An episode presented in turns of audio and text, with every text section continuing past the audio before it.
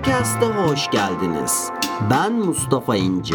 Bu podcastlerde hayatlarında, işlerinde, ticaretlerinde ekip çalışması yer alan, kişisel gelişimlerine önem veren herkese faydalı içeriklerle karşılaşacaksınız. İyi dinlemeler dilerim.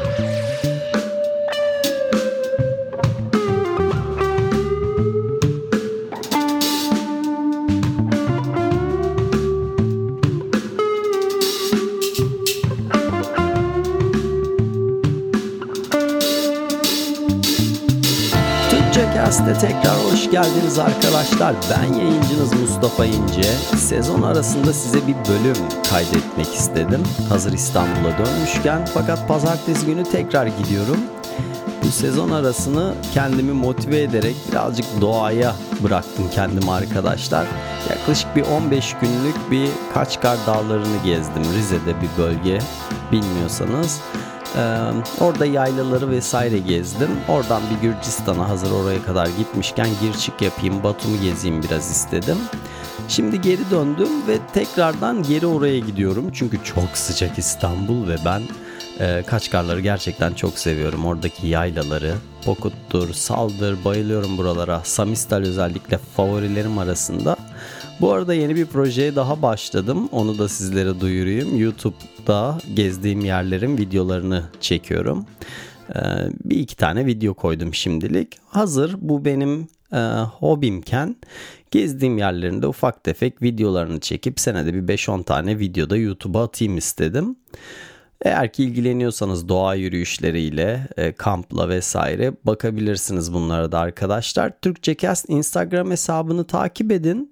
Çünkü oradan duyurular yapıyorum. Ee, mesela sezon arasına girdiğimizi oradan duyurmuştum ve bu sezon arasını birazcık uzatacağımızı da oradan duyuracağım yine.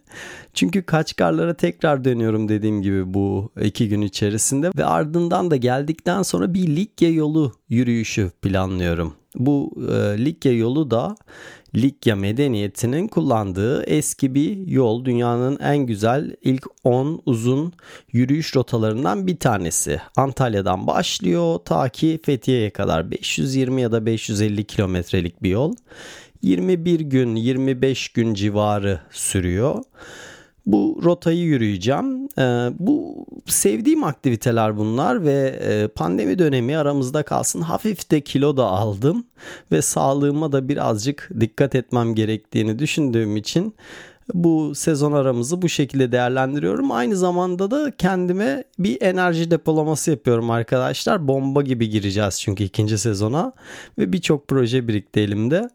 Şimdi bu sezon arasındaki bu bölümde sizlerle paylaşmak istediğim iki nokta, iki konu var. Ee, bunu paylaşayım hazır burada İstanbul'dayken.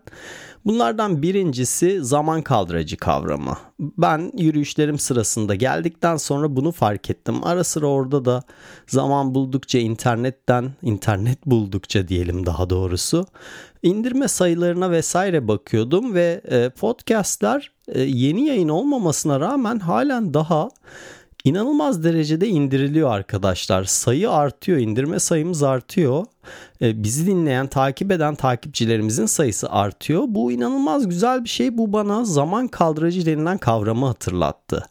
Bu kavramı duydunuz mu bilmiyorum ama onun ne olduğunu sizlerle paylaşmak istiyorum. Çünkü benim bugüne kadar yaptığım, yapıyor olduğum bütün her şeyin içinde mümkün oldukça bu zaman kaldırıcı kavramını iç, işin içine serpiyorum arkadaşlar. Ne bu kavram?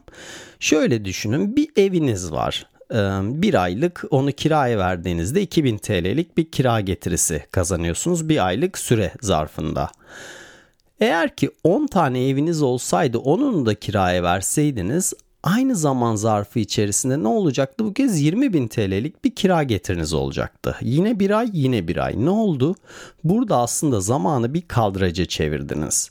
Şu örnekle daha iyi açıklayacağım belki de. E, business ile job arasında bir fark vardır ya.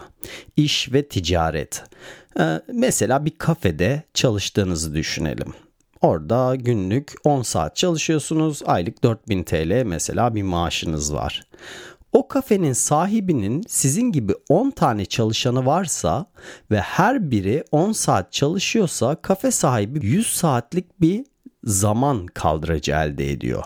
Yani 124'e böldüğünüzde yaklaşık bir gün içerisinde 4 günlük e, 24 saat herkesin çalışabileceğini de zannetmiyorum. Yemesen, içmesen, uyumasan, tuvalete gitmesen 24 saat çalışamazsın. Ne yapıyor bu adam? E, 4 günlük bir full zaman kaldıracı elde ediyor. Peki 10 tane franchising'inin olduğunu düşünelim İstanbul'da. 1000 saat elde etti değil mi? Peki Türkiye'de 100 tane olduğunu düşünelim bu franchise'lerin 10 bin. Dünyada bin tane olduğunu düşünelim 100 bin. Yani aslında kimi insanlar bir gün içerisinde 100 günlük, bir yıllık çalışma performansı sergiliyormuşçasına zamanı kaldıraca çeviriyorlar. Büyük gelirler, büyük kazançlar materyal olan buradan geliyor arkadaşlar. İnsanların zamanı kaldıraca çevirmesinden geliyor. Bu kavram nasıl oluştu? Biliyorsunuz ki ta geçmişlerden beri bir kaldıraç kullanıyoruz biz. Ama bu neydi? Güçtü. Çünkü tarla e, zamanlarında işte tarım devrimi zamanlarında insanlar ne yapıyordu? Tarlayı sürmeleri gerekiyordu ve bunun için güç gerekliydi. Ya da bu tarz tarlada işler yapmaları gerekiyordu. E, gücü kaldıraca çevirdiler işlerini kolaylaştırmak amaçlı. Ne yaptılar? Mesela tarlayı öküz sürdü. Doğanın gücünden faydalandılar, yel değirmeni yaptılar. Ya da su değirmeni yaptılar, akarsuların gücünden faydalandılar. Aslında gücü kaldıraca çevirdiler. O zamanlar bu gerekliydi.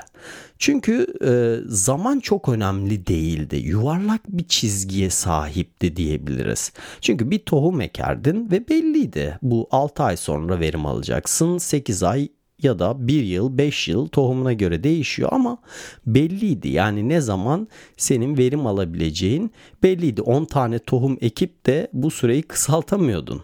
Yani zamanla bir işin yoktu çok fazla. Daha fazla güçle kuvvetle işin vardı. O yüzden insanlar bu gücü kuvveti bir kaldıraca çevirdiler. Fakat Fordizmle birlikte, sanayi devrimiyle birlikte durumlar hızlanmaya, değişmeye başladı. Ne oldu? Ee, üretim çizgisi, production line denilen bir şey e, ortaya çıktı. İşte bir usta bir, e, bir bisikletin tekerini yaparken bir diğer usta direksiyonunu yaptı, birisi zincirini yaptı, biri bunları birleştirdi, biri boyadı. Çok daha hızlı ürün üretmeye başladılar. Zaman önemli bir kavram haline geldi. Eğitim sistemi buna göre adapte oldu. Bu zincirin bir parçasına kalifiye eleman yetiştirmeye başladı fark etmez bir fabrikada olsa herhangi bir işletme de olsa o üretim çizgisinin zincirinin bir parçası için kalifiye kişiler yetiştirilmeye başlandı. İşte muhasebe olabilir, bir e, üretim çizgisinin belki de boyama kısmı ile ilgilenen biri olabilir fark etmez.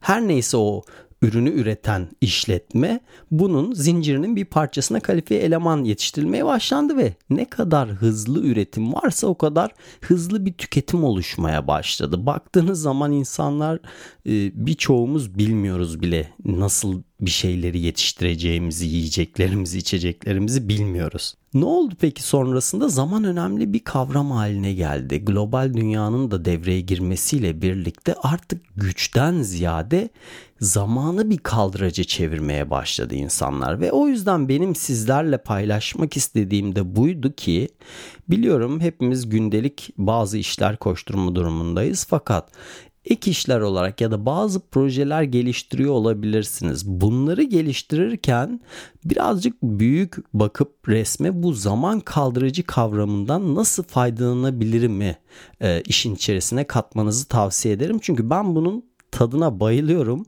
ve e, dediğim gibi geldiğimde e, benim işlerim devam ediyordu, e, ticaretlerim devam ediyordu yaptığım. Podcast'imde indirme sayılarımda bir düşüş yoktu. Ee, ve bu bana zaman kaldırıcının gücünü tekrar hissettirdi. Bir diğer bahsedeceğim konu da e, bu bölüm arasındaki bu yayınımızda özel yayınımızda e, özgüvenle ilgili bir yayın yapmıştık biliyorsunuz. Bir podcast var. E, eğer ki kitaplığa bakarsanız nereden takip ediyorsunuz bilmiyorum. Ama geçmiş bölümlerde özgüven nasıl kazanılırla ilgili bir podcast var. Orada bilgiden bahsediyorduk. Bir şeyi bilmek bize o konuda özgüven kazandırır demiştik. Bir farklı bir konu daha var değinmek istediğim. Mesela ben bu yaylalara giderken e, bir yürüyerek gittim. Bir araç vesaire kullanmadım. Bu yaylaları yürüyerek gezdim genelde. E, insanlar soruyordu yani tek başına mısın? Gerçi ilk birkaç gün tek başımaydım ilk 3-5 gün. Sonrasında iki arkadaş edindim. Biri Belaruslu, biri Ukraynalı. Beraber gezmeye başladık. Ama insanlar soruyordu nasıl yani? Tek başına mısın? Ee, korkmuyor musun? Silahın var mı? Falan gibi sorular soruyorlardı bana. Ee, ve burada benim fark ettiğim bir şey vardı ki evet kimin kimi yerlerde gerçekten korktum. Yani 3000 rakıma falan çıktığımız yerler vardı ve sisin çok yoğun olduğu ve rotaların kaybolduğu sadece GPS etrafını görebildiğin bazı yerler vardı. Fakat fark ettim ki bir şeye yeterince iyi hazırlanmak o konuda gerçekten özgüven veriyor arkadaşlar. Çünkü ben bu yürüyüş rotamı planlamadan önce ve e, alet ekipmanlarımı planlama çok detaylı bir planlama yaptım. Bir su şişemin kapağını bile kaybetme ihtimalini göz önüne alarak birçok YouTube videosu şu bu izleyerek ekstra bir su şişesi kapağı bile yanıma aldım. Oradaki iklim şartları çok değişken, çok ıslak biliyorsunuz ki e, Türkiye'nin en çok yağış alan bölgesi. E, zaten haberlerden de bunu fark ediyorsunuz. Çok üzücü haberler alıyoruz. E, o yüzden ona göre gerçekten iyi bir hazırlık aşaması geçirdim ve bu bana inanılmaz derecede özgüven verdi. Şimdi düşünüyorum da hakikaten geçmişte de bu böyleydi. Mesela biz e, satış e, takımımızdaki satış kişilerini, elemanlarını diyeyim, ekip arkadaşlarımızı daha doğru oldu bu. E, eğitmek amaçlı, onlarla tecrübe değiş tokuşu yapmak amaçlı böyle bazı etkinlikler otellerde düzenleriz. E, onlara işte tecrübelerimizi aktarırız. Ve bu toplantıların düzenlenme aşamaları gözümün önüne geldi. Yani biz bu toplantıları yapmadan bir hafta 10 gün önceden o toplantılara hazırlanmaya başlardık.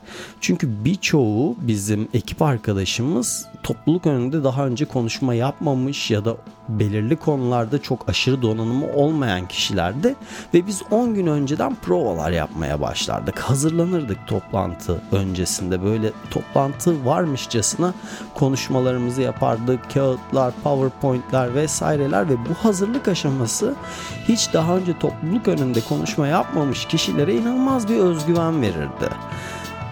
Yani dediğim gibi aslında özgüven hazırlık aşamasından da geliyor. Bir şey ne kadar iyi hazır olduğumuzu hissedersek o kadar o konuda özgüvenli de oluyoruz. Bu benim doğa yürüyüşlerim için de geçerliydi. Bu benim kendi ekibimdeki işte toplantılar öncesindeki yaptığımız hazırlık aşamaları için de geçerliydi. Her şey için geçerli bu. Ee, baktığımda bunu gördüm ve bunu da sizlerle paylaşmak istedim arkadaşlar. Bu ara bölümde benim sizlere bahsedeceğim konular bunlardı. Ee, önümüzdeki ay dediğim gibi Likya'ya gideceğim. Ekim ayında falan sanırım ikinci sezonuna başlayacağız arkadaşlar. Bu arada ben zaman buldukça ara ara bu tarz e, ara podcastler atmaya çalışacağım. O zamana kadar ikinci sezonumuz başlayana kadar kendinize iyi bakın. Görüşmek üzere.